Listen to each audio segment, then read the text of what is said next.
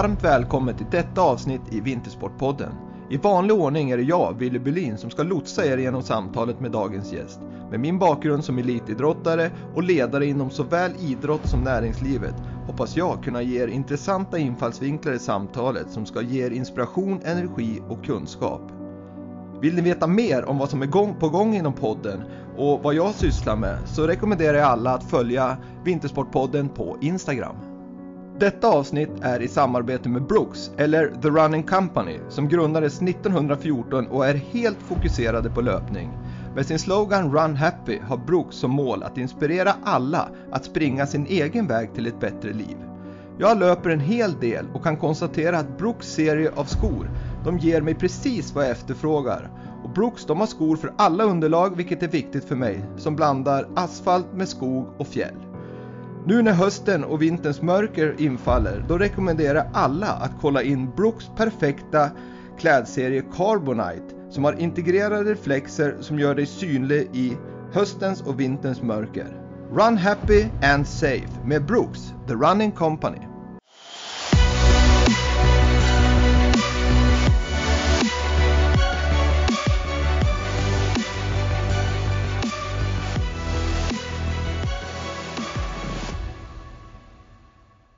Dagens gäst i Vintersportpodden, OS silvermedaljören i diskus, Simon Pettersson. Varmt välkommen till Vintersportpodden Simon.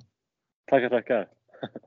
Och det är ju som många funderar på nu, vad har det här med vintersport att göra? Och Simon som är en sommaridrottare, men vi har kommit fram till att du har ju faktiskt spelat bandy i Söderfors vilket jag då klassar som en vintersport och därför är du med i Vintersportpodden. ja, det tackar jag för. ja, hur är läget Simon? Jo då, det var bra. Härligt. Hemma hos eh, familjen i Sixaby och hälsa på lite grann under, under vilan nu.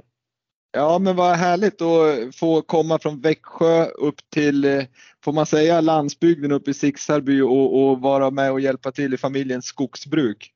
Ja, ja precis. Ja, men det, det, är alltid skönt att komma hem. Det är en, en viss avkoppling i sig att bara kunna komma ut lite grann på landet och andas lite lantluft. ja, men det förstår jag. Sen måste det ju vara grymt skönt för, för din far och mor att spara lite diesel till traktorerna, för där behöver du inte ha det när du kan vara med och lyfta allt, allt virke.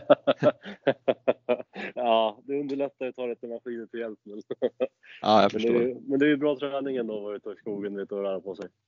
Absolut, jag skulle nog tro att det är nog den mest funktionella styrketräning du kan, du kan få, skulle jag kunna tänka mig. Ja, jo, det, det ligger nog mycket i det. Hörru du, jag ska dra bara lite kort vem Simon Pettersson är så får du själv, eh, ska vi prata vidare sen. Men du föddes 1994, du är uppväxt i Sixarby som ligger mellan Uppsala och Gävle. Du tävlar numera för Hässelby friidrott men karriären startade i Örbyhus IF. Numera bor du i Växjö och tränar där tillsammans med andra friidrottare, bland annat Fanny Ros och Daniel eh, Ståhl och två norska tror jag. Ehm, men så fort du har läge så drar du hem till Sixarby. Ehm, hur, eh, om vi ska gå in på dig Simon som person, hur, hur, hur var din uppväxt i Sixarby? Ja, jag skulle säga att den var väldigt bra. Um, alltid varit en väldigt aktiv människa kan jag säga. Jag har alltid älskat att röra på mig och hålla på med diverse idrotter och prova mig fram lite grann på det sättet. Eh, mm. Så att, eh, jag vet inte, ja, gillar att vara ute och leka med, ute, ute och leka på gården och ja, det kanske inte var, det kanske inte tilltalar mig lika mycket då som det gör nu men det har väl växt fram lite undan för undan det där med men man känner sig ja. mer hemma här nu än man gjorde kanske när man var lite yngre. Men, men som jag har förstått det så du höll ju på med ganska många idrotter eh, som ung där i Sixarby. Det var ju allt från golf, bandy, ja, fotboll, eh, friidrott och så vidare. Hur, hur, hur har det präglat dig som person idag? Har du liksom, känner du att du fått ut mycket både liksom fysiskt eh, i, i rörelse, liksom kapacitet, men även då som, som person att du har hållit på med många idrotter i din uppväxt? Ja, men jag tror att det är väldigt nyttigt. Och liksom, dels bara för att veta vad man tycker är roligast och prova sig fram lite grann. Och, och sen å andra sidan med att man får, men just ko koordinativt och sådär, att man får prova på lite olika rörelsemönster och just, jag tror man har lite nytta av de olika idrotterna i varandra också. Sen liksom, om man tänker sig golf, en golfsving och hur man roterar ut en diskus, det är ändå inte, det är ändå snarlika rörelser får man säga. Ja, på, på något sätt så, så kan jag ju tänka mig liksom att det handlar ju om en, man, man tänker ju liksom, när man ser diskus så är det, tänker ju många att det är bara att snurra och slänga iväg den där liksom. Men, men, men, men, man förstår ju att det är enorm timing och teknik som ligger bakom för att överhuvudtaget få ut den från den här ringen och så att man inte fastnar i nätet. Men så det, är, det är ju en härlig liknelse du ger där med golfen som också är en väldigt liksom timingsport. Hur länge höll du på med golf? Men jag spelade väldigt mycket där ett tag mellan ja, kan ha varit 11, 12 år någonstans. Så spelade jag väl, då bodde jag i stort sett på golfbanan tror jag. Eh, men sen så blev det ett ganska långt uppehåll nu och sen så är det väl först nu i höst som jag har börjat försöka komma igång lite grann igen. Ja. Men, men vad, vad, vad, var det som gjorde att du valde friidrotten? Var det självklart eller hade du föräldrar som pushade till friidrotten eller vad, vad, vad var det som drog dig dit? Nej, jag, det var väl inte självklart på något sätt egentligen från början utan det var någonting också som växte fram lite grann och i och med att jag kunde prova på lite olika och så fick jag ett väldigt bra beslutsunderlag också. Jag, jag vill alltid veta att jag skulle vilja satsa på någon idrott. Det har jag väl vetat sedan jag var väldigt liten egentligen för att jag tyckte att det varit så väldigt, pass väldigt kul och sen, sen har jag inte varit så här någon, någon fena i skolan heller om man säger teoretiskt sett. så mm. att, eh, det är väl lätt att idrotten har tagit överhanden nästan hela tiden. Eh, men det, var ju, det blev mycket golf där, som sagt när jag var 12-13 eller 11-12-13 någonstans. Mm. Eh, så då var jag väl lite grann på väg ifrån friidrotten. Men sen så när jag skulle börja gymnasiet så hittade jag väl tillbaka till det. Och, ja, jag har ju tyckt att det var extremt kul väldigt länge och hela tiden i stort sett. Då. Så att, ehm, och friidrotten är ju bra på det viset med att det, det finns så många grenar att välja på så det finns någonting som passar alla. Ja, ja precis, för jag pratade med Carolina Klyft här, sjukamperskan tidigare och, och, vi pratade just om det där med att man håller på med många olika idrotter men, men inom friidrotten så är det ju som många olika idrotter i friidrotten så att säga. Du kan ju köra både kast och hopp och sprint och långdistans och så vidare så att du får ju ganska mycket liksom av det olika i samma sport så att säga. Ja, verkligen. verkligen. Och det, det är väl det som är lite tjusningen också med det. Absolut, absolut. Men, men hur, om vi då tänker oss att du valde liksom ändå friidrotten där någonstans vid, när du skulle in mot gymnasiet där 14-15 bast. Uh, hur, hur, hur framgångsrik var du inom friidrotten? Var, var du liksom en ungdomsstjärna eller, eller var du en slow starter? Nej, jag skulle väl inte säga att jag var en ungdomsstjärna på något vis egentligen. Det var väl Ja, men jag skulle inte säga att jag var något utöver det vanliga på något vis. Det var, ja, jag gillar att träna och det var väl, jag höll ju på mångkamp ganska länge sedan med. Det var väl, ja, jag var som, hur ska jag säga då? Jag var okej okay i, de flesta, i de flesta grenarna, utom löpning var väl sådär. Men eh, de, de övriga grenarna gick liksom okej. Okay. Men det var inget utöver det vanliga kan jag säga. Nej, absolut. Sen kan man ju definiera vad som är okej. Okay. Naturligtvis inom, inom eliten så kanske det inte är okej, okay, men för oss vanliga så vet du ändå att du har sprungit 1000 meter på 3.09. um, vilket, vilket jag tror inte så jättemånga klarar av och, och det är en jäkligt bra tid. Och sen får man ju ändå titta du hade ju talang i många andra grenar. Du, tresteg var du ju rätt het i, du hoppade 14.32, höjd har du hoppat 1.91 och någonstans där kan jag känna att det är inte vad man förknippar en, en kastare och, och ha de fina resultaten.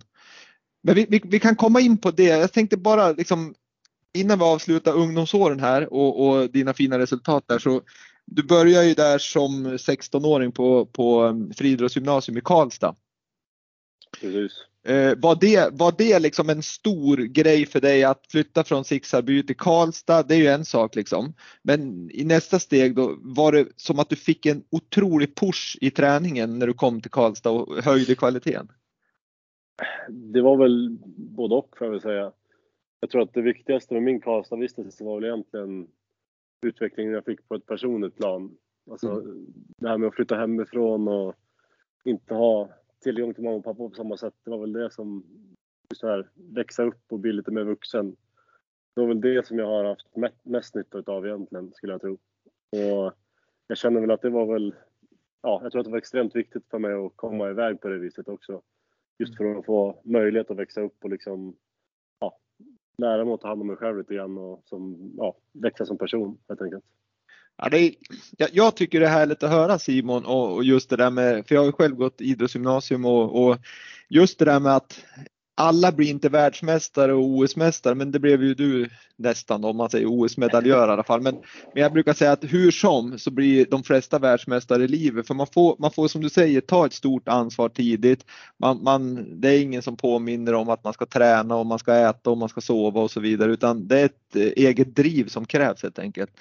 Är det någonting du känner att liksom det här e, liksom det egna ansvaret i tidig ålder, är det någonting du bär med dig nu som elitidrottare?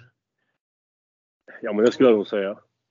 Det är ju det är hos, det, hos en själv som det börjar egentligen. Har man inte drivit själv som du säger så då, ja, då kommer man liksom inte ta sig så pass långt heller skulle jag tro. Det är ju samma sak där med talang kontra hårt arbete eller man säger. Alltså man kan komma en viss längd på talang men för hela vägen så krävs det nog ganska mycket jobb ändå tror jag. Ja absolut, det räcker ju inte att du, du har någon form av fysisk eh, rörlighetskapacitet när du är ung utan skivstången den ska ju lyftas och, och stegen ska tas så att säga innan, innan det blir någonting och sen är det många andra faktorer också som, som naturligtvis påverkar med mentalt och, och, och så vidare. Men vi, vi, kommer in mer på det. Men, men apropå det du säger att jobbet ska göras så vet jag att din tränare Weisten Hafsteinsson sa i någon artikel att, eh, att eh, är det någon som liksom verkligen aldrig missar ett träningspass så är det du. ja, jag tycker ju att det är som sagt väldigt roligt att träna och jag ser det egentligen som ett, ska jag säga, ett otroligt, eh, vad säger man? Ja, privilegium, privilegium kanske? Ja, precis. Att... Privilegium att liksom ha möjlighet att göra det jag gör egentligen. Mm. Liksom det, Många, tycker, eller många drar jämförelsen med att det, ska vara, att det är bra mycket tuffare att vara elitidrottare än att ha ett vanligt arbete. Men jag känner väl att det är lite tvärtom många gånger. jag tror att, ja, men det är väl kanske på grund av att man älskar det man gör. Då säger man inte ja. att det är jobbigt på samma sätt.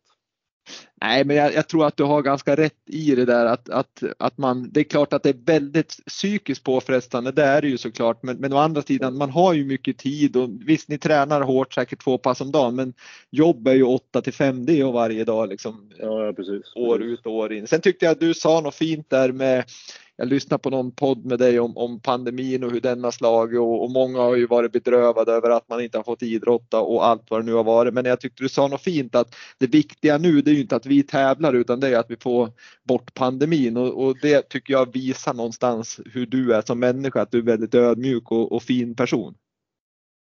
Ja, det, det, det känns väl självklart på ett vis tycker jag att det ska, ja, det är inte tävlandet som ska komma i första rummet i sådana här sammanhang utan det är ju liksom ja, få folk sätta livet till på kuppen liksom. Då ska det ju inte, ja, att inte vi kan tävla det är ingen stor grej då. Liksom... Nej, men det är, det är, inte helt självklart för alla utan vissa Nej, lever ju i en bubbla med, med skygglappar så att jag tycker det säger mycket om din ödmjuka person.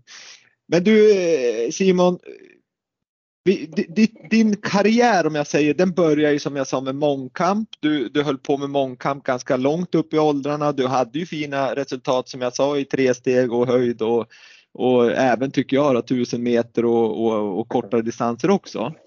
Eh, vad var det sen när du var, det var väl egentligen när du var 19 år, 2013 som, som du valde diskus på, på allvar. Va, vad var det som fick dig liksom att tänka om där då? Ja, tankarna hade väl funnits ganska länge egentligen. Det var väl egentligen, de kom väl först egentligen när, vi skulle, eller när jag skulle börja gymnasiet. Um, så det var väl då tankarna började gå om jag skulle börja rikta in mig på bara kastning eller om jag skulle hålla kvar med mångkampen. Det var väl ja, Anders Borgström som vi pratade lite grann med då som eh, också var rektor på Karlstad Figget då. Mm. Uh, han tyckte väl att jag skulle hålla kvar i mångkampen så länge jag tyckte det var roligt. Så det gjorde ju mycket att jag fortsatte med mångkampen och tyckte ju också att det var väldigt kul. Så det blev ju tre år till där. Så att, uh, sen så blev jag lite skadad i ett baklår uh, sista året på gymnasiet. Så då började jag väl fundera på om det var ett bra tillfälle liksom att sadla om lite grann. Så att, då började vi kolla lite grann på lite olika valmöjligheter och då var ju västen det första som kom upp. För jag, jag, tänker på, jag pratade med som jag sa Carolina Klüft här och då pratade vi just om, om eh, mångkampare och liksom det här med hur mycket träna, hur mycket tittar man på de som är specialister när man är mångkampare? Alltså i, i ditt fall då titta på de bästa diskuskastarna eller bästa spjutkastarna eller bästa löparna. Men hon sa ju att sjukamp eller mångkamp är ju det är ju en, det är ju en egen gren där, där vi får anpassa oss för vi har ju kanske inte samma kropp som en spjutkastare eller som en höjdhoppare eller som en längdhoppare utan vi måste ju som jobba utifrån våran gren mångkamp så att säga. Men, men hur, hur tycker du skiljer det sig stort tekniken i diskus som mångkampare och diskus som specialist? Ja, man kan inte, som mångkampare så kan man ju definitivt inte gå in på samma detaljer kanske som man gör när man har det som huvudgren om man säger. Mm. Eh, så det blir ett annat fokus ändå. Kanske när man är mångkampare och kastar diskus så kanske det blir lite mera i stora drag liksom. Man behöver inte sätta allting, man behöver inte sträva efter att sätta det perfekt liksom, utan man får kasta lite med det man har och försöka göra de stora grejerna så att det kanske resulterar i lite längre längder. Eh, jag, men jag tycker att, ja, det var väl det jag var lite orolig för också på ett vis när jag bestämde mig för att byta. Liksom. För det blir ju, man går ju från ja, 11 grenar på ett vis om man hoppar lite tresteg också till bara en gren. Ja. det var ju lite så här, ah, kommer det bli lite enformigt att bara träna diskus liksom. Men det, kan, det har det absolut inte blivit utan det har, det har varit extremt kul från dag ett. Och det är ju, vi har ju kunnat träna lite, vi tränar ju lite varierat också med att vi har kastningen och lyftningen som såklart tar upp mest av tiden. Men vi har ju två pass i veckan under i alla fall vinterhalvåret som blir lite mera, lite mer löpning, lite mer hopp och sådär. Så att man har ju ändå mm. utrymme för att göra de delarna också fortfarande. Vilket jag tycker är roligt liksom. Ja, men eh, vi ska komma in lite grann på träningen senare. Jag, jag, jag, måste bara bena ut det här med när du var 19 år där och, och, och, ändå skulle gå över till, till diskus. Jag vet att du och din far åkte till Växjö, tror jag det var, för att testa, testa träning med Weisten Hafsteinsson då som var ja, som är och var en väldigt duktig kasttränare. Men, men han, han var ju inte helt övertygad om att du var eh, den som skulle vara med i hans team för han riktigt, trodde inte riktigt på dig som, som när han hade sett det första gången. Du var lång, gänglig och jävligt explosiv i och för sig då, men lång och gänglig och du hade inte riktiga tekniken. Hur, hur liksom, för det första, hur tog du det då och vad säger han nu? ja, men det var väl ingenting som jag riktigt uppfattade just vid den tidpunkten kanske att han var, inte var så sugen på eller man säger. Um, utan det är väl någonting jag har fått berättat efterhand skulle jag tro. Mm. Um, men jag, jag, kan ju tänka mig in i hans situation också att det kommer en, ja, för honom helt okänd kille och som väger 86 kilo. Det tror jag inte imponerar på någon kasttränare skulle jag säga. och som är två meter så det är därför, för 86 kilo kan ändå låta mycket men är man två meter så blir det ju lite gängligt. nej, nej, men jag var ju jag är ju väldigt tunn i grunden så att det är inte så mycket för, för ögat egentligen. Man, man tänker sig en ja, diskuskastare i vuxen ålder om man säger.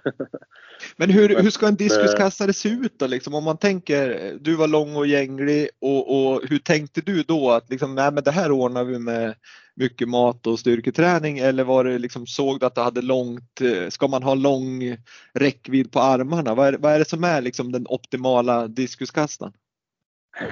Ja, alltså, alltså det är ju självklart en fördel att vara lång och liksom ha lång, lång radie. Eh, men sen det finns ju diskuskastare i alla dess former egentligen.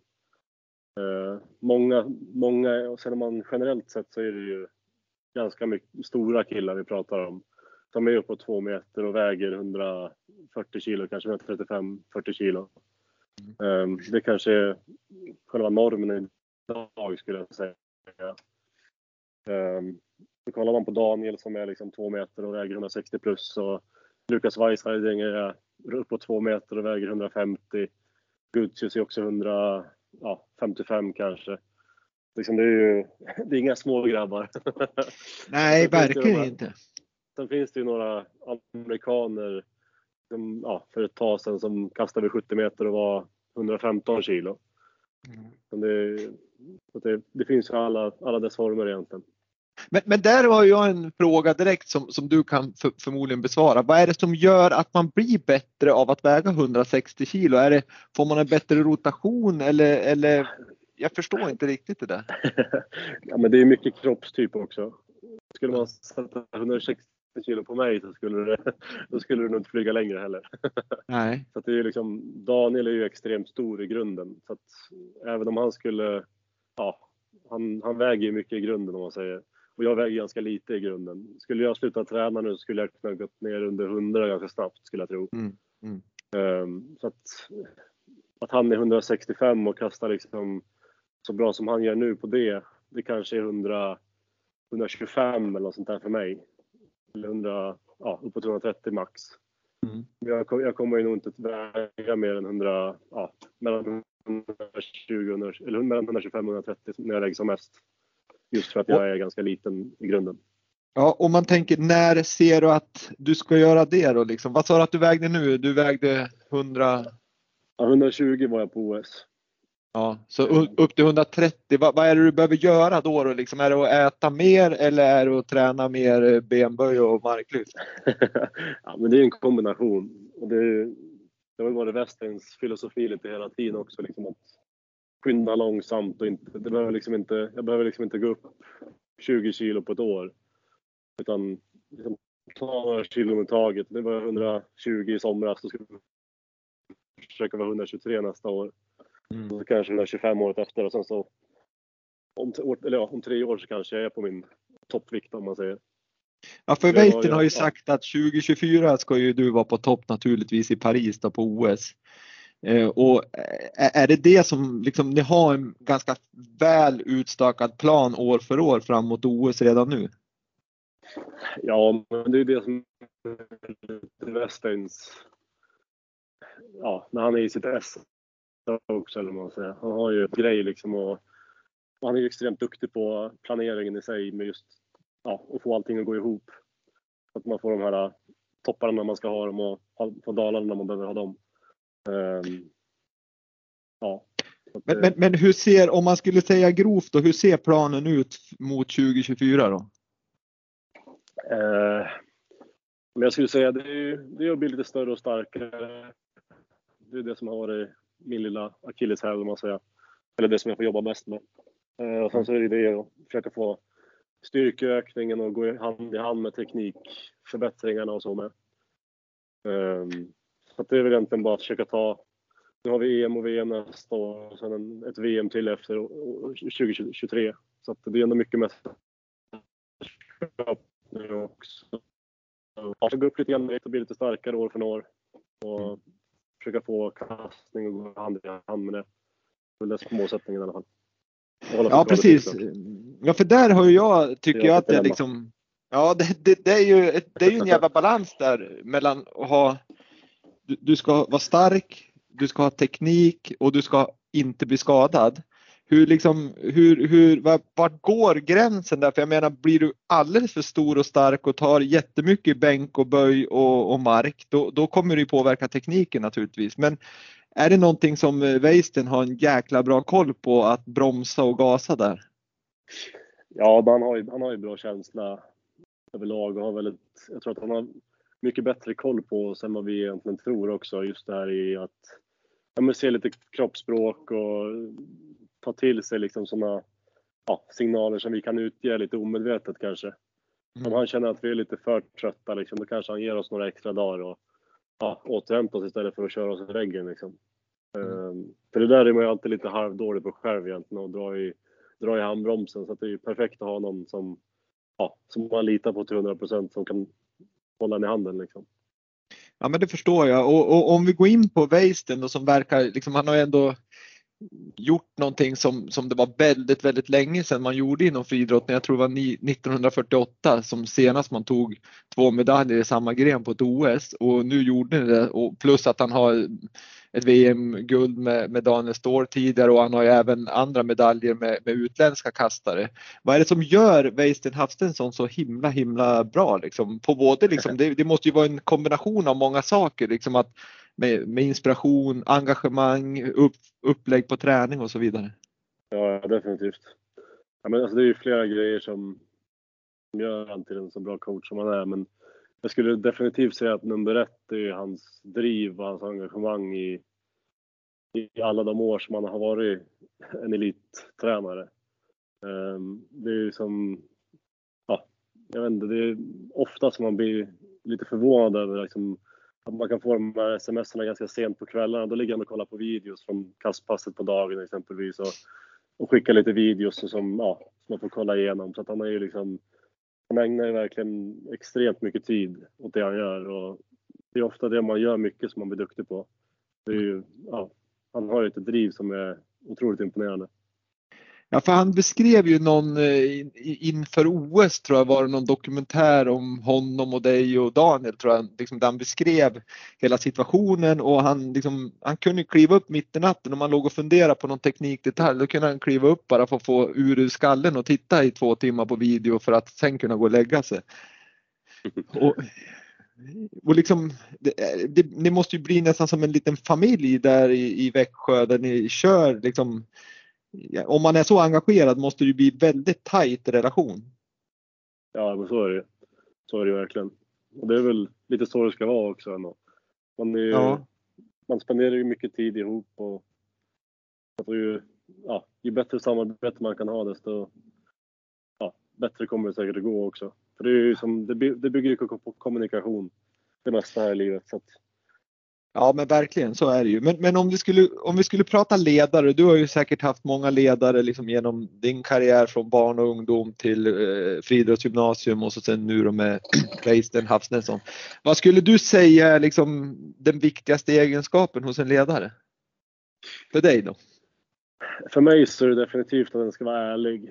Um, jag liksom, jag måste, jag måste, man måste ha förtroende för den man tränar med. Och mitt förtroende bygger mycket på ärlighet. Liksom om jag känner att ja, min tränare är ärlig mot mig och säger vad han tycker så då är jag hur nöjd som helst. För det är ju ändå det jag är till för. Om man tycker att någonting inte är bra eller om man tycker att, någonting, att jag bör göra någonting bättre så förväntar jag mig att han ska säga det. Och liksom kunna vara lyhörd också liksom för, för det man har att säga själv.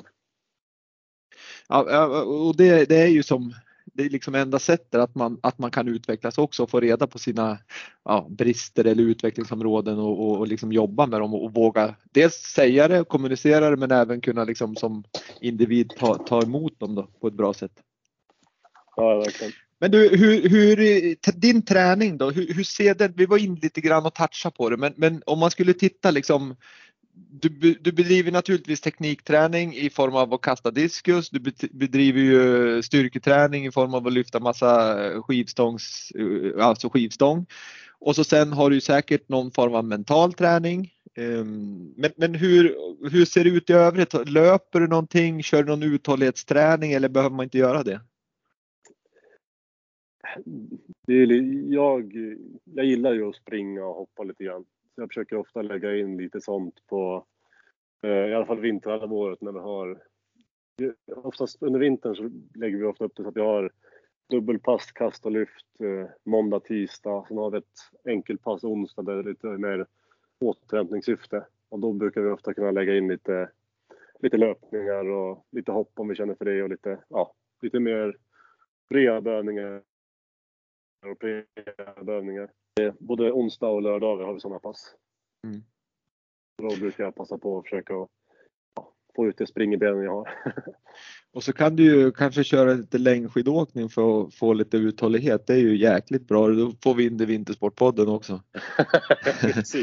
För det där blir ju, det blir väl en balansgång. Det där har jag misstänkt om du ska gå upp som du som Weistin och du vill men samtidigt har du svårt för att gå upp för att du säger att du har en kroppsbyggnad som vill gå ner. Ehm, det, då måste det vara väldigt känsligt vad man, hur man bedriver träning för att liksom börja springa för långt eller börja åka längdskidor eller någonting sånt där. Då, då är det ju lätt att det rasar lite grann i vikt. Ja, och det är väl inte så här springa långt som jag menar heller med att springa utan det kanske är ja, springa lite intervaller kanske i, i en backe eller något sånt där. Okay. Det är ju inget, det är inte springa i den bemärkelsen som många löpare kanske skulle definiera det som. Nej, då kanske nej. det skulle vara en uppvärmning. Men om man tänker styrketräningen då så, så är det ju naturligtvis många, eh, många frågor som har kommit in till mig. Det handlar ju mycket om om eh, vad tar han i bänk och marklyft och, och, och benböj för det är liksom, det är som lätt för många att relatera till. Men hur, hur liksom är det någonting du jobbar mycket med? Är maxstyrkan väldigt, väldigt viktig eller är det viktigare att ni kan köra 10 repetitioner på, på en vikt? Men det är det är en kombination av Alltså Westin har ju ett system så han kan om jag, om jag gör en tia på en vikt så kan han räkna ut ungefär vad jag gör för en etta exempelvis. Mm. Och sen så är det lite förhållande till vilken period vi är i. Just i den fasen vi kommer att gå in i nu framåt jul så kommer det bli ganska mycket repetitioner istället. Bara försöka bygga lite mer massa. Mm. Um, och sen så när vi börjar lite mer säsong så och, och kanske, kanske efter jul så blir det lite mera ja, styrkeökning så kanske vi kör lite femmer istället och försöker att få upp lite mer ja, vikter om man säger så.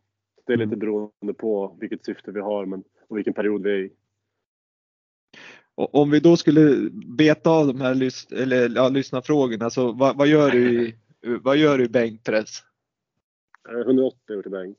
180. Då är, det, då är det ju inte, det skulle absolut inte vara godkänt på en styrkelyfttävling exempelvis. Då är det liksom lite Nej. studs och sådär, så det är ju som inte någon godkänd bänk kan jag säga.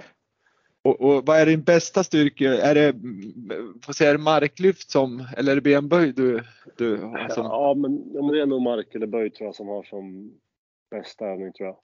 Jag hörde någonting om att du körde en 10 på 200 i marklyft. Nej, i knäböj var det.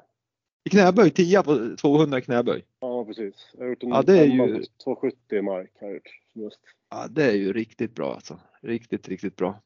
Eh, det är intressant att höra, men, men och, och, då har vi betat av, då är det många som har fått svar på det, det kan jag säga. Men, men, men om vi skulle gå på tekniken då? Ja. Då, då är ni ju och kastar naturligtvis väldigt mycket, men, men hur jobbar ni då? Är det liksom, gör ni 10 eller 20 eller 40 kast på, på ett träningspass och filmar ni mycket eller hur, hur jobbar du och Weisten där? Det är också lite olika från period till period. Det blir lite mer kastning nu under uppbyggnadssäsongen och då är det tanken att man ska göra lite de, de ändringar i tekniken som man önskar göra också. Mm. Um, så då blir det ganska mycket filma och liksom, ja, försöka få ordning på det hela helt enkelt. Sen ju, ju närmare en säsong man kommer desto mera försöker man ta det på känsla och då kanske man tar bort kameran lite mera bara och försöker att ja, sätta känslan och tajmingen på det på, rätt, på tekniken man har byggt fram då över vintern kan man säga. Mm. Hur, hur, mycket, hur mycket forskning tänkte jag säga är eller hur mycket jobbar ni med nya saker? För för mig som inte är någon specialist på diskus så känns det som att det har sett likadant ut ganska länge. Men hur mycket, liksom, hur mycket jobbar man på att hitta nya sätt att få en bättre rotation för att få iväg diskusen längre eller liksom utkastvinklar och så vidare? Det måste ju vara väldigt mycket att jobba med det. Ja, man kan ju grotta ner sig i det ganska mycket ändå. Men det ja, Resten har ju en enorm kunskap och har ju varit med väldigt länge med så han har ju lyckats prova på det mesta och ja. se vad som funkar i praktiken också. För ju, ibland är teorin en sak och praktiken en annan. Mm. Och sen så också olika på, beroende på vilken individ man pratar om. Mm. Um, så att, uh, ja. Han har nog ett ganska klart koncept egentligen av vad som funkar och för olika typer av atleter. Ja, han låter ju som att han är en skicklig tränare, det måste man ju säga. Men, men om, vi, om, vi, om man tittar på det mentala då, så, så misstänker jag att mång, eller många ska jag säga jobbar ju mentalt. Liksom, nu mår jag dåligt och så jobbar man med mentalt liksom, bara här och nu. Men för mig så känns det som att det mentala är ju nästan lika viktigt som, som eh, det, det fysiska. Så att man, man, ska man liksom bli bra mentalt så måste man jobba med det liksom strukturerat och, och, över tid. Är det någonting som ni gör eller, eller är det också bara punktvis som ni jobbar? Nej, det är någonting som hänger med hela tiden egentligen. Och det är väl, mm. jag vet inte, jag, jag kommer, på, kommer på mig själv så himla ofta nu senaste tiden hur mycket det mentala spelar in jag tycker att det, på ett vis tycker jag att det är nästan den roligaste biten på ett vis. För att det, det, är liksom, det kan verkligen vara avgörande om man lyckas eller misslyckas. Och de här små, små grejerna liksom kan betyda så otroligt mycket i slutändan. Um, så att det, ja, vi, eller jag jobbar ganska kontinuerligt med det egentligen. försöker liksom att ha ja, uppföljning på det hela tiden. Ja, för jag, jag, tänker liksom, det är ju så himla små marginaler i er sport att ni har era kast på er och, och jag menar det är så små detaljer och är ni lite spänd eh, inför ett kast så kan ju det påverka otroligt mycket misstänker jag. Eller att man kliver över på grund av att man inte gör som man gör på träning för att man är nervös och så vidare. Så att det måste ju vara väldigt, väldigt viktigt. Men, men här har jag, är det någonting du har liksom Känner du att du har någon form av talang vad det gäller det här med, med, med det mentala? Om jag får säga talang då, men är du, för jag, jag har ju hört och Weisten också sagt det rent uh, i, i uttalat sig om att det finns ingen i världen som är så bra tävlingsmänniska som dig. du är väldigt hedrande att höra de orden får jag säga. ja men är det någonting du har haft lätt för all, liksom, även som ung eller? Det är, jag, skulle, jag tror att jag har fått lite gratis och det har jag nog mycket pappa att tacka för, tror jag tror. Han, han, han började blanda in det ganska tidigt för mig. Okay. Började liksom prata om det och han är ganska intresserad av det själv också så han kan ganska mycket. Han vet det, började bana in det ganska tidigt. Liksom. Det bara försökte få mig att tänka i de banorna. Och, och vilka banor är det då? då? Liksom, att du skulle stärka självkänslan eller att du liksom... Ja, men, ja, men mycket det här liksom att för mig har det varit mycket så här tävlingssituationer. För mig handlar det mycket om att så här känna sig trygg och liksom så här känna sig bekväm i situationer. Och mycket som, mycket som pappa har hjälpt mig också är liksom det att inte, ja, men inte göra ett problem av någonting som skulle kunna vara en möjlighet och vice versa. Det, det, behöver liksom, saker och ting är ofta vad man ser dem för att vara. Liksom om ja, jag måste ta ett exempel. Liksom, om en tävling blir försenad liksom, eller något sånt där. Mm. Så, då är det liksom, ja, då påverkar det de andra tio gånger mer än det påverkar mig. Eller det är bara bra för mig att det blir lite sent. Ja. Eller liksom, bara liksom vända saker och ting till någonting positivt och liksom se det som att det här, det här hjälper ju mig. Liksom, då blir det ju liksom att oavsett vad som kommer att ske i en tävlingssituation så kommer det fortfarande vara till din fördel. Och det är någonting som, ja, jag vet inte, jag känner mig trygg i det ändå. Och liksom, ja. Att det inte går att påverka många gånger. Är det dåligt väder så är det dåligt väder. Det går inte ja, att säga åt att det ska vara dåligt väder. Nej precis, man får liksom ta det för vad det är och liksom göra det bästa av situationen. Men är det någonting ni pratar om i gruppen också? Liksom att, att, eh, för jag har hört att den här Weistein pratar om det här lite grann att, att, att det liksom, är det regn så är det ju kanon för nu blir vi bra på det liksom. Ja, ja precis. Ja, men det är ju man, man ska kunna kasta i vilket förhållande som helst. Man vet ju inte vad det kommer att vara på ja, OS 2024 så vet man inte om det kommer att regna i finalen eller inte. Man... Eller om det är 30 grader varmt eller vad, vad det än nu händer. Liksom.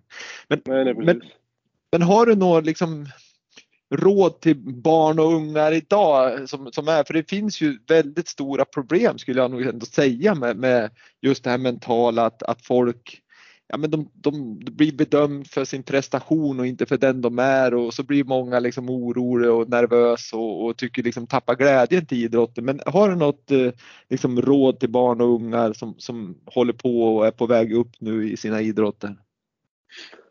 Alltså det, är ju, det känns som att vi går mot en utveckling som inte är jättebra egentligen i förhållande till så att det börjar satsas för tidigt skulle jag säga. Alltså att det här att det blir sån himla konkurrens för ja, 12-13-åringar för att få vara med i ett lag och spela överhuvudtaget. Om man tänker hockey eller fotboll. Där det är så väldigt många som vill vara med och spela. Det känns inte som att det är, jag vet inte, det känns inte som en sund väg att vandra. Nej, jag, jag, jag, tycker inte heller det. Utan man, man, borde ju kunna hålla på med fler idrotter längre. Ja, definitivt. Alltså det, det kommer ju bara gynna idrotten i sig också om de som, vad man säga, om man kan behålla ungdomarna i idrotten längre. De verkligen liksom kan få upp glöden för en idrott eller flera idrotter eller liksom bara hitta vad de vill göra. Och framförallt inte göra en tidig selektering kanske att man, att man ser, eh, jag menar det är svårt att säga, du visste ju inte att som 13-åring att du skulle ta OS-silver, det kunde ju ingen säga för de, de trodde ju att, jag menar Weistin trodde när du var 19 att du inte kanske hade talang på att bli diskuskastare men det visar ju sig att han hade fel. Va? Så att alla utvecklar sig olika också. Ja, ja definitivt. Det handlar ju om så mycket olika saker också när det kommer till ja, en, elit, en elitaktiv. Liksom. Det, är, det är inte bara talang det handlar om utan det är mycket runt omkring som, som spelar in också. Ja men absolut. Ja men det är ju som vi sa där, det är ju fys, det är teknik och det är mentalt och sen är det ju tillråga på allt massa runt om där. Du ska hålla dig skadefri och, och så vidare också. Men, men, men ofta så är det som så att har du inte balans i alla de där då, då är det som så att då tippar det ju ofta. Då kommer ju någon skada om man inte liksom har alla de här bena helt så att säga. Ja, ja verkligen. Eh, ja. Men du, jag tänkte det, det, är jäkligt kul att höra din, din uh, sunda inställning och din, din uh, härliga liksom, personlighet. Det, det, måste jag säga imponerar på mig. Det är otroligt härligt Simon. Uh, men, men, ja, men, men om man säger så här då. Allihopa, även om man har vunnit OS-guld eller OS-silver så har man ju någonting att förbättra för att du ska ta guld 2024 eller du ska ta guld på VM nästa VM och så vidare. Men vilket är ditt område som du känner att det här området det är någonting jag verkligen måste förbättra för att ta ett steg i rätt riktning? Jag känner mig ganska lyckligt loppad på det här viset. Jag känner att jag kan förbättra mig på alla plan egentligen. Mm. Eh, jag känner att jag kan förbättra min teknik. Jag känner att jag kan bli lite större och starkare. Jag känner att jag kan förbättra min ja, högsta, eller förbättra min lägsta nivå. Och, eh, jag hoppas väl på att kunna förbättra mig någon, någon procent på varje plan. Och förhoppningsvis ska leda till ett längre kast nästa år. Mm. Men vad, vad är det som du skulle liksom... Är det om du går upp 5 kilo och blir liksom mm. tar 190 i, i bänk och 340 i böj och 400 i mark. Är det liksom, skulle det göra det till en bättre eller liksom är det viktigare att du förbättrar tekniken? Men det är väl lite det här att det ska gå hand i hand. Jag tror, mm. Jag tror, jag tror inte riktigt på det här och verkligen ja, köra jättemycket av någonting liksom och bara sticka iväg där. Utan jag tror att det är liksom det är någonting som behöver gå hand i hand, just det här styrkan och tekniken och liksom jag tror att väldigt många som, eller USA är ju lite känt för att liksom, ja, man ska vara stor och stark liksom. Och mm. ofta tror jag att man går lite för snabbt fram där så att tekniken inte riktigt hänger med. Så jag tror väl inte att, eh, ja, bli jättestark jättesnabbt tror jag inte är någon jättebra idé. Utan det är nog bättre att bara ta, ja, ta lite grann i taget och låta låta det liksom komma successivt och ta ett steg i taget. Ja, dels är det nog teknik, tekniken som kan få stryk på foten om det går för fort, men sen är det ju ganska stor risk för skador då, för det är ju inga små liksom den utveckling ni har och de vikter ni lyfter så är det ju liksom det är ju, det är ju förenat med en hel del eh, liksom skaderisk ändå om man säger så. Ja, så är det. Ja, men det är oftast i, i gymmet man skadar sig. Det är inte rätt ofta man skadar sig när man kastar egentligen så det är väl det som är den kritiska biten egentligen. Men du, när du är där och i tävlingsmomentet och, och när är inne på inneplan och, och ni, ni, går omkring där och ser när konkurrenterna kastar sina diskusar och så vidare. Är det någonting som du känner så här, det här får mig ur balans? Det när någon gör någonting eller att du blir störd på något ena eller andra vis eller om ja, vad det nu kan tänkas vara eller känner du att du har rätt bra koll på, på, på nerverna eller hjärnan? Ja, men det är väl det är väl just den där grejen som jag jobbar extremt mycket med. Liksom, jag vill inte att det ska vara någonting som kan störa mig. Mm. Jag vill liksom inte att jag ska kunna komma i balans. Jag vill liksom vara i jag vill liksom vara på G hela tiden om man säger. Jag vill inte att jag ska börja, börja tvivla när jag står där inne på tävlingsarenan liksom och ja, ska kasta. Så liksom, jag har försökt att jobba med och försökt se framför mig vad, vad, vad, är, vad finns det för möjliga händelser under en VM-final exempelvis. Och så har jag bara försökt att ja, men, vänja mig vid tanken av att det går att si och så. Eller att det, det händer eller det händer. Och, ja, och sen försöka vända det till någonting positivt egentligen. Och ja. Ja men det, det, det, är ju, det, det, är ju helt rätt. För jag menar inne på en, äh, en inneplan där när det är mycket folk och det är stora mästerskap så det är mycket som, som påverkar. Rätt vad det är springer förbi några som kör, kör 10 000 och sen ska någon hoppa längd och så är det några som skriker för att någon klarar höjden och så sen är det någon konkurrent som kanske säger någonting olämpligt för att psyka en eller någonting. Det, det är väl sådana saker man måste alltid liksom kunna ja, men slå bort helt enkelt och, och, fokusera på din uppgift och det är att kasta diskusen över 72 meter nästa år. ja. Så kan det vara. Men du, jag tänkte så här. Eh, vi, vi, har pratat mycket om dig och träning och så vidare, men, men någonstans så gjorde du ju en otroligt prestation här i somras när du tog silver på OS. Och jag kan ju tänka mig då liksom visst, du, du hade ju där i, i Växjö i, i, i början av 2021, alltså maj någon gång där så då drog du till med 69-48 och dängde Daniel Ståhl. eh, och, och, dels hade ju inte han förlorat någonting direkt sådär och, och sen slår det honom och jag tyckte och tänkte liksom i min värld så var det ju inte helt så här super, eh, jag hade nog tänkt att ja men Simon han har ju superchans att ta medalj på OS liksom. Men, men om man tänker OS-medaljen då. Du kommer från Sixarby, du har ju varit för svenska folket ändå ganska anonym. Hur har OS-medaljen påverkat dig som person? Det, ja, det enda sättet jag hoppas att det påverkat mig är väl att jag kanske kan tro på det lite mer, att det kanske kan hända igen. Det är den förhoppningen jag har i alla fall. Mm. Um, för det är väl en sån här sak som... Jag kan väl inte säga att jag var det barnet som gick och drömde om en OS-medalj eller liksom kanske fascinerad om att försöka och kanske hamna där en dag. Kanske var mera, det är någonting som har vuxit fram att det kanske finns en möjlighet att liksom vara, vara där och blanda sig i de, i de resonemangen så att säga. Men eh, det var definitivt inte en självklarhet när jag var yngre och det kanske inte egentligen senaste, ja, senaste året, ett och ett halvt året som jag kanske har trott på att jag kanske en dag skulle kunna blanda mig i en sån strid. Men, eh, men, men, men har du, hur upplever du det här liksom?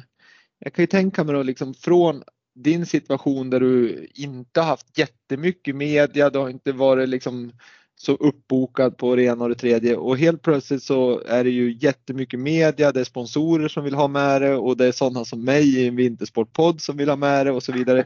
Är det någonting du känner som en belastning eller ändå som du ser som en del av ditt jobb? Nej, men jag tycker egentligen att det, att det är kul.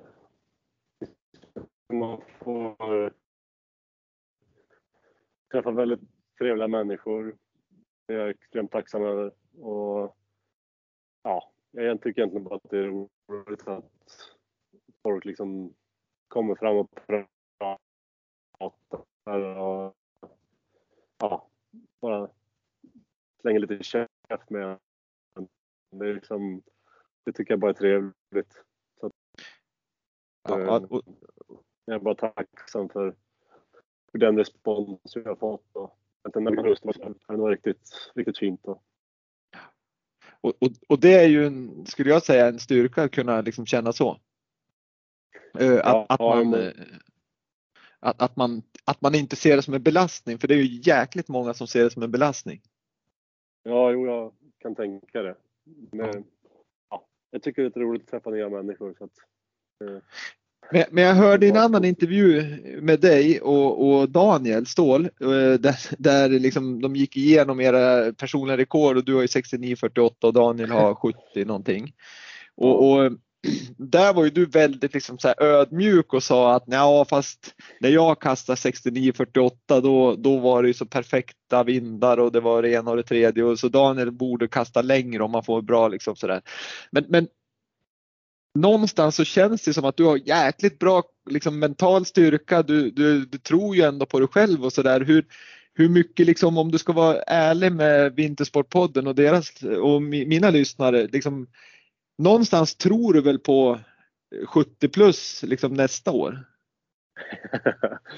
ja, men alltså, det är ju det är också någonting som har växt fram genom åren. Att liksom, nu är ändå ja, nu har jag nästan gjort 69,5 så då är det inte jättelångt till 70. Att det är liksom 70 meter igen och en, ja, först är det liksom 60, 60 meter som är en drömgräns för en diskuskastare och sen kanske det är 65. Men 70 meter liksom, det är ju, ja, det är inte jättemånga som har gjort den då. Att det, är, det är ju självklart en målsättning. Och, um, jag känner väl att, liksom att om jag kan ja, göra de förbättringar som jag hoppas på att kunna göra i vinter och kunna hålla mig skadefri och få in den träning som vi har planerat så känns det som att det skulle kunna vara möjligt. Ja, definitivt.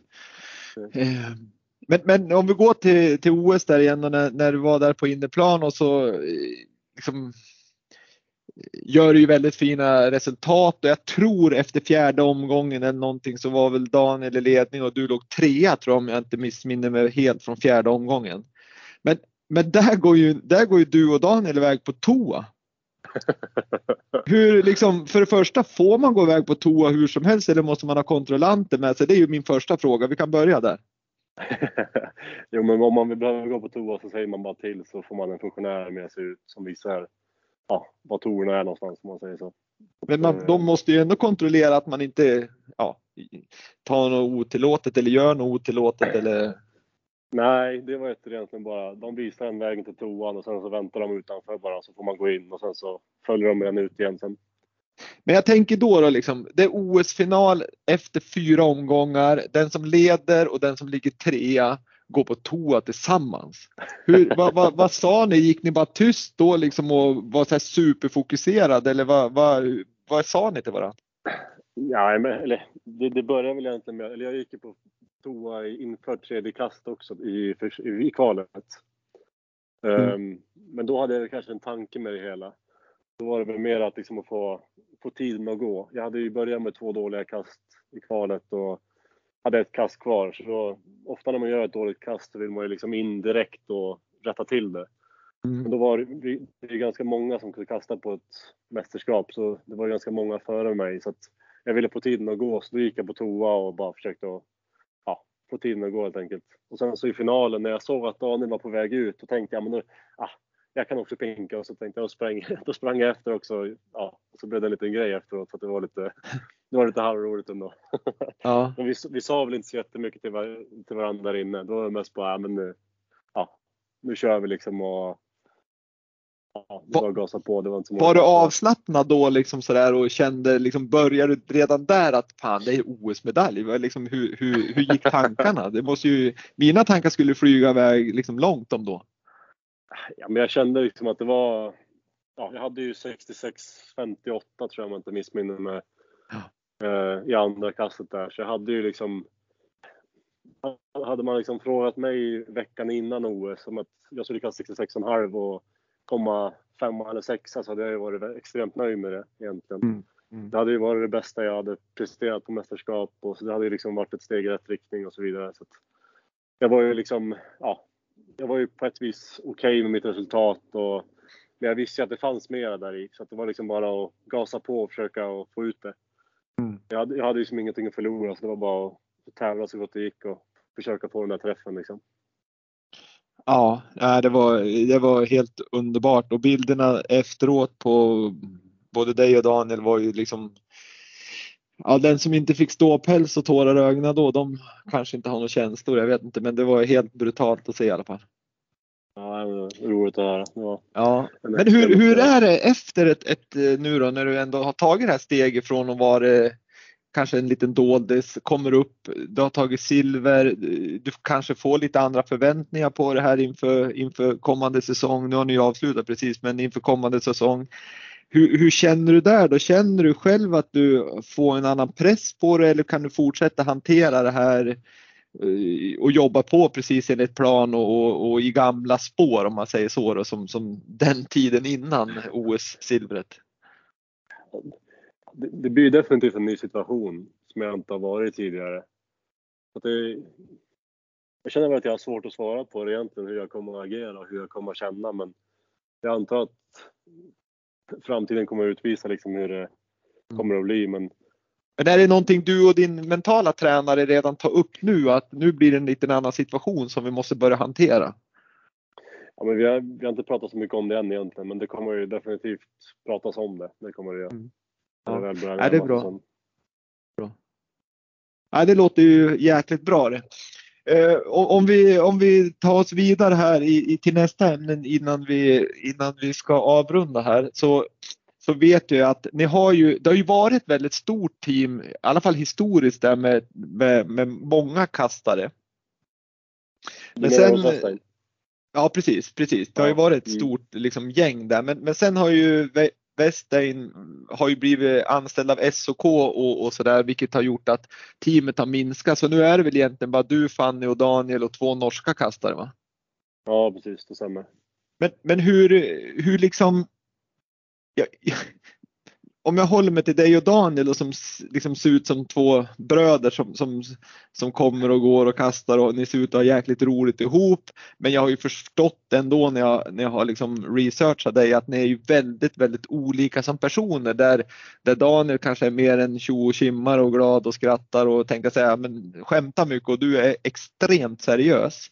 Hur, hur, går det där ihop? Känner du att du får att ni kompletterar varandra, att han ger dig lite avslappning och du ger honom lite, vad ska jag säga, kanske lite som eh, struktur på saker och ting eller hur, hur, hur kan du beskriva liksom eran relation?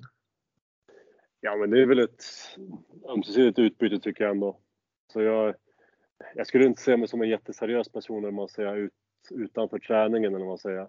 Då är jag väl ganska, ja, jag kanske inte är lika skojfrisk som honom. Det kanske är svårt att vara det. Men, eh, ja, jag känner liksom när jag är på träningen så liksom, då är jag där för att bli bättre och det gör jag bäst genom att vara liksom, målmedveten och ganska ja, seriös i, om man säger så. Ju, ja, jag förstår, jag förstår. Eh, Men, men, ni- men ni liksom, det, det, det är verkligen som två sparringpartner på träning där ni, där ni stöttar och hjälper varandra. Det är inte så att det finns avundsjuk och att Daniel eller du är rädd att den ena kastar längre än den andra utan ni gläds åt varandra. Ja, det skulle jag verkligen säga. Det är ju ett... Ja. Ja. Västern har ju haft i, som en liten så här, vad ska man säga, ja, liten regel för gruppen om man säger. Det, det är liksom tio gånger bättre om en i träningsgruppen slår dig än att någon annan från något annat land skulle slå dig. Liksom så här, så vi, vi är ju liksom ett team och vi, vi jobbar ju mot samma mål egentligen och vi jobbar liksom ihop dagligen så att man får ju ett väldigt tajt relation. Så man vill ju verkligen att det ska gå, ja, man vill ju verkligen den, den andras bästa om man säger så. Ja, jäkligt fint att, att höra. Hur, hur liksom, eh, det måste ju ändå kännas skönt att jag menar, du, båda ni är ju världskastare och, och att veta liksom i sparringen att, att, att gör jag det här då, då vet jag ändå om jag jämför mig med min sparringpartner så är jag ju liksom en toppkastare. Liksom. Det måste ju kännas väldigt bra och framförallt måste det ju vara bra för utvecklingen. Ja, ja visst. Alltså, det är ju det är perfekt att ha någon att jaga och sen, sen har liksom, känna att någon jagar en själv också. Mm. Jakob Garenkrantz har fungerat väldigt bra för mig på det viset, att känna mig lite jagad. Han gjorde ju 64-42 nu i somras och ja, var egentligen väldigt på G nu i våras. Så att han har ju kapacitet att kasta väldigt långt. Så att jag räknar med att han kommer komma upp och nosa där så småningom också. Så att, Och det är en bra sammansättning att du blir jagad av honom och du jagar kanske Daniel som det är nu då lite grann och Daniel blir jagad av dig. precis, precis. Ja, det är, det är ju jäkligt härligt att, att, och höra. Det, verkar ju vara en jättebra grupp. Men, men när ni kör träningarna då, på, är, det liksom, kör ni dem ihop hela tiden, både i gymmet och i, i, i, på, på teknik, alltså i, i kastringen och är Weistin med hela tiden eller kommer man en gång, en gång i veckan och, och är med? Nej, vä- är med ja, på i stort sett alla pass. Det är inte, det är inte många pass som vi kör själva egentligen. Um, och sen så lyfter vi alltid ihop allihopa. Uh, kastningen är väl lite... Uh, vissa pass kastar vi ihop och vissa pass kör vi bara själva med västen beroende på vad vi ska, vad vi ska göra. Ehm, ibland så vill han köra eller singelpass med en om man, om man ska nöta på någonting specifikt. Så. Och ibland så ja, kör vi allihopa ihop där också, så det är lite olika. Men vi lyfter alltid tillsammans.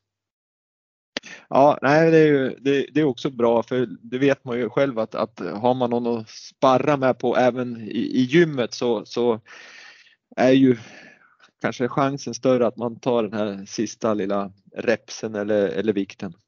Ja, ja visst, verkligen. Ja, men det är det som är kul med lite stämning också. Ja, verkligen, verkligen. Det är mycket roligare då.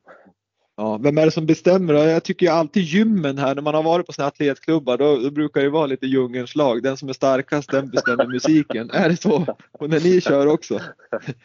Nej, det, det är ganska uppträdande som vi spelar får spela oftast. Ja. Ja, annars brukar det vara liksom när, när störst och starkast kommer in, då vet man, då blir det den personens musik. Då ställer vi oss i hörnet allihopa. Ja. ja. Ja, det är kul, jäkligt kul. Men du, vem, vem, betyder mest för dig då i din, i din karriär om man säger i, i jag förstår att Weistein betyder mycket, men har du någon annan som, som verkligen betyder mycket för dig? Men det är många egentligen. Alltså, självklart, eller min, min familj är såklart nummer ett och västern är också uppe där. Och mm. Sen så är det ju ja, alla de som jobbar med oss. Liksom, ja, Tommy Tejp Eriksson och Henrik Wagner som är massör och naprapat. Och vår dietist på SOK, Linda Backman och Henrik Gustafsson som hjälper oss med det mentala. Och liksom det, är, ja, det är extremt många som är runt oss som jag känner många gånger skulle behöva få lite mer cred för det de har gjort också. För det blir ofta ja, vi som får den största uppmärksamheten fast det är de som förtjänar den minst lika mycket för de har gjort en stor del av jobbet också. Vi är liksom inte ensamma i det här utan det är ju ett stort team runt omkring som ja, är förtjänt ett stort tack också. Ja, det är, alltså, jag får nästan gåshud när du, när du säger det där, för det är inte alla som elitidrottare som faktiskt lyfter den där frågan och, och, och, och säger det för att man, man, man lyfter sig själv och man är, slår sig för bröstet själv. Men det är som du säger, det är jäkligt många som har varit med och hjälpt till och, och lyft fram det liksom och sådär. Och, och det är härligt att du och lyfter det. Det tycker jag visar också en, en liksom, på, på den fina person du är. Ja, ja, men du, innan vi slutar här, vad gör du på fritiden förutom att, förutom att jobba i föräldrarnas skogsbruk?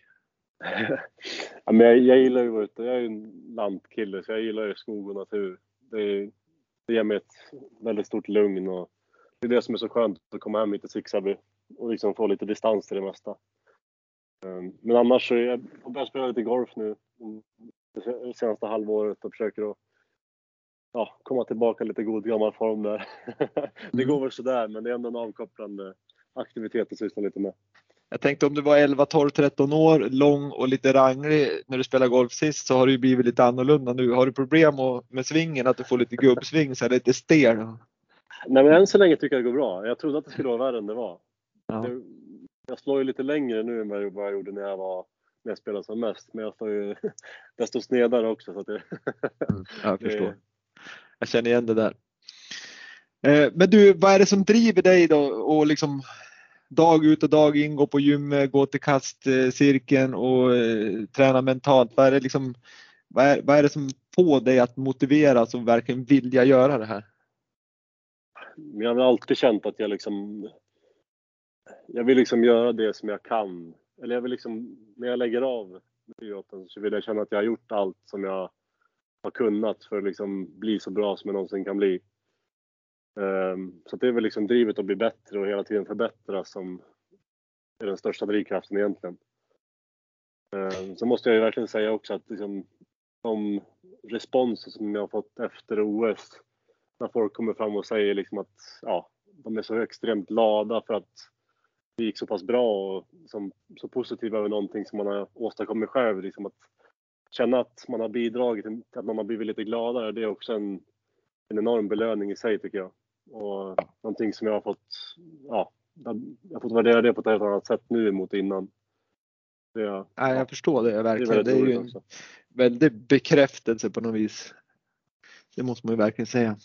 Eh, det har varit en fantastiskt härlig timme med, med dig Simon, det måste jag säga. Det är jäkligt kul att fått, fått lära känna dig lite mer och, och, se hur du ser på saker och ting. Och jag är mycket, liksom, jag ska inte säga att jag är överraskad, men jag är väldigt positiv till, eh, till din liksom, inställning och, och, din ödmjukhet och din eh, liksom, målfokusering. Så det, det har varit jäkligt kul och jag tror många känner lika som lyssnar på det här att, att de har fått mycket liksom energi, inspiration och kunskap om saker och ting. Eh, men innan vi ska sluta så ställer jag en fråga som jag ställer till alla gäster som, som är med oavsett vilken bakgrund man har eller om man är aktiv nu eller har varit aktiv. Och den är ganska enkel och den kan du svara på kortfattat och den är så här. Kan du säga en framgångsfaktor för att lyckas med idrott? Vilja bli bra och vilja göra jobbet. För att, eller vara villig att lägga ner det jobb som krävs för att bli bra. Mm. Sen har man inte det så då är det tufft. Ja, och det är ju inte du först att säga och inte förmodligen sist att säga utan det handlar ju mycket om vilja, glädje, passion och, och sådär som, som de flesta säger. Så att det är härligt att höra och jag tycker du visar att du verkligen har en vilja att, att, att bli bättre och att vilja liksom ta de här stegen framåt och, och lyckas framåt. Kanske OS 2024 i Paris, det skulle ju vara härligt. Då ska jag köra en, en repeat på det här avsnittet om, om du tar OS-guld då. Men du, eh, om, om eh, våra lyssnare vill följa din resa då mot eh, mästerskapen framåt, vart kan de följa dig? Har du någon social media? Ja, jag använder väl Instagram mest. Mm. Där heter jag väl NMAE Simon. Eller jag tror att det går räcker att söka på Simon Pettersson så tror jag kommer upp. Jag tror faktiskt du går och söka på Simon Pettersson och, och då får du upp det där lite konstiga NNAM. Så då, då kan ni följa eh, Simons väg framåt och se när han äter sina stora köttbitar med, med bearnaisesås. Då jäklar kommer han vara uppe i 130 snart med bara muskler. men jättekul att få vara med.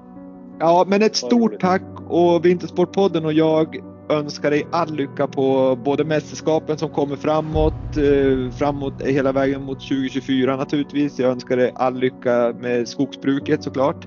Och så sen hoppas jag att du, du eh, utvecklas i den takt du vill med, med både styrka, teknik och eh, mentala biten.